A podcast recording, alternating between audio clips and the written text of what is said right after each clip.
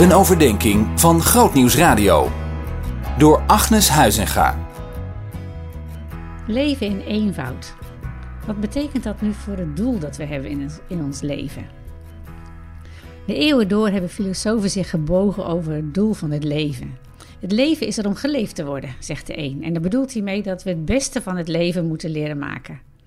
Maar anderen hebben veel complexere theorieën.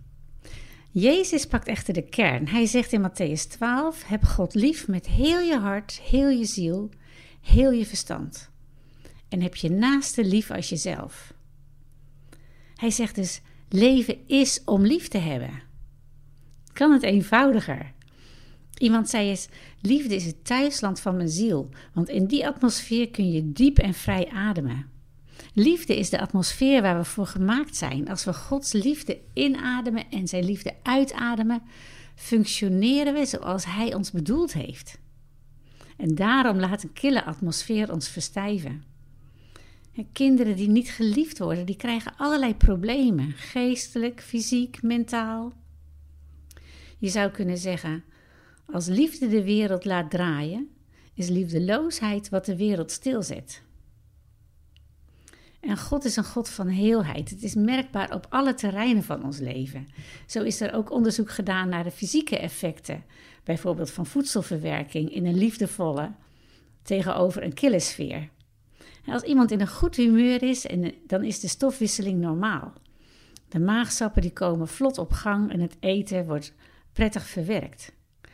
Maar als er boosheid is of gespannenheid, dan stremmen de maagsappen en werken niet meer goed.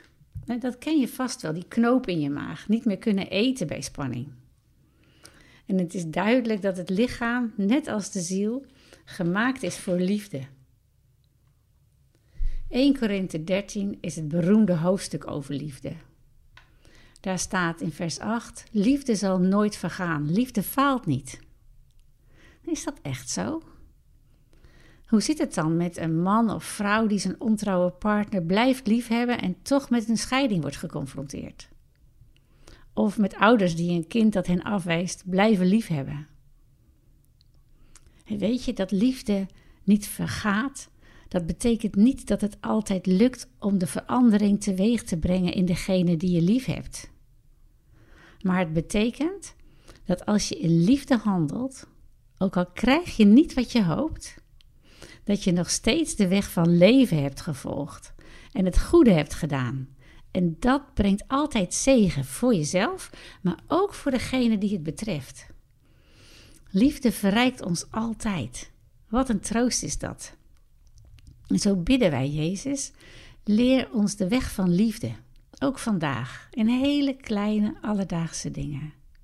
En laat ons zo het doel dat u met ons leven hebt in de praktijk brengen door uw geest. Amen. Zien in nog een podcast?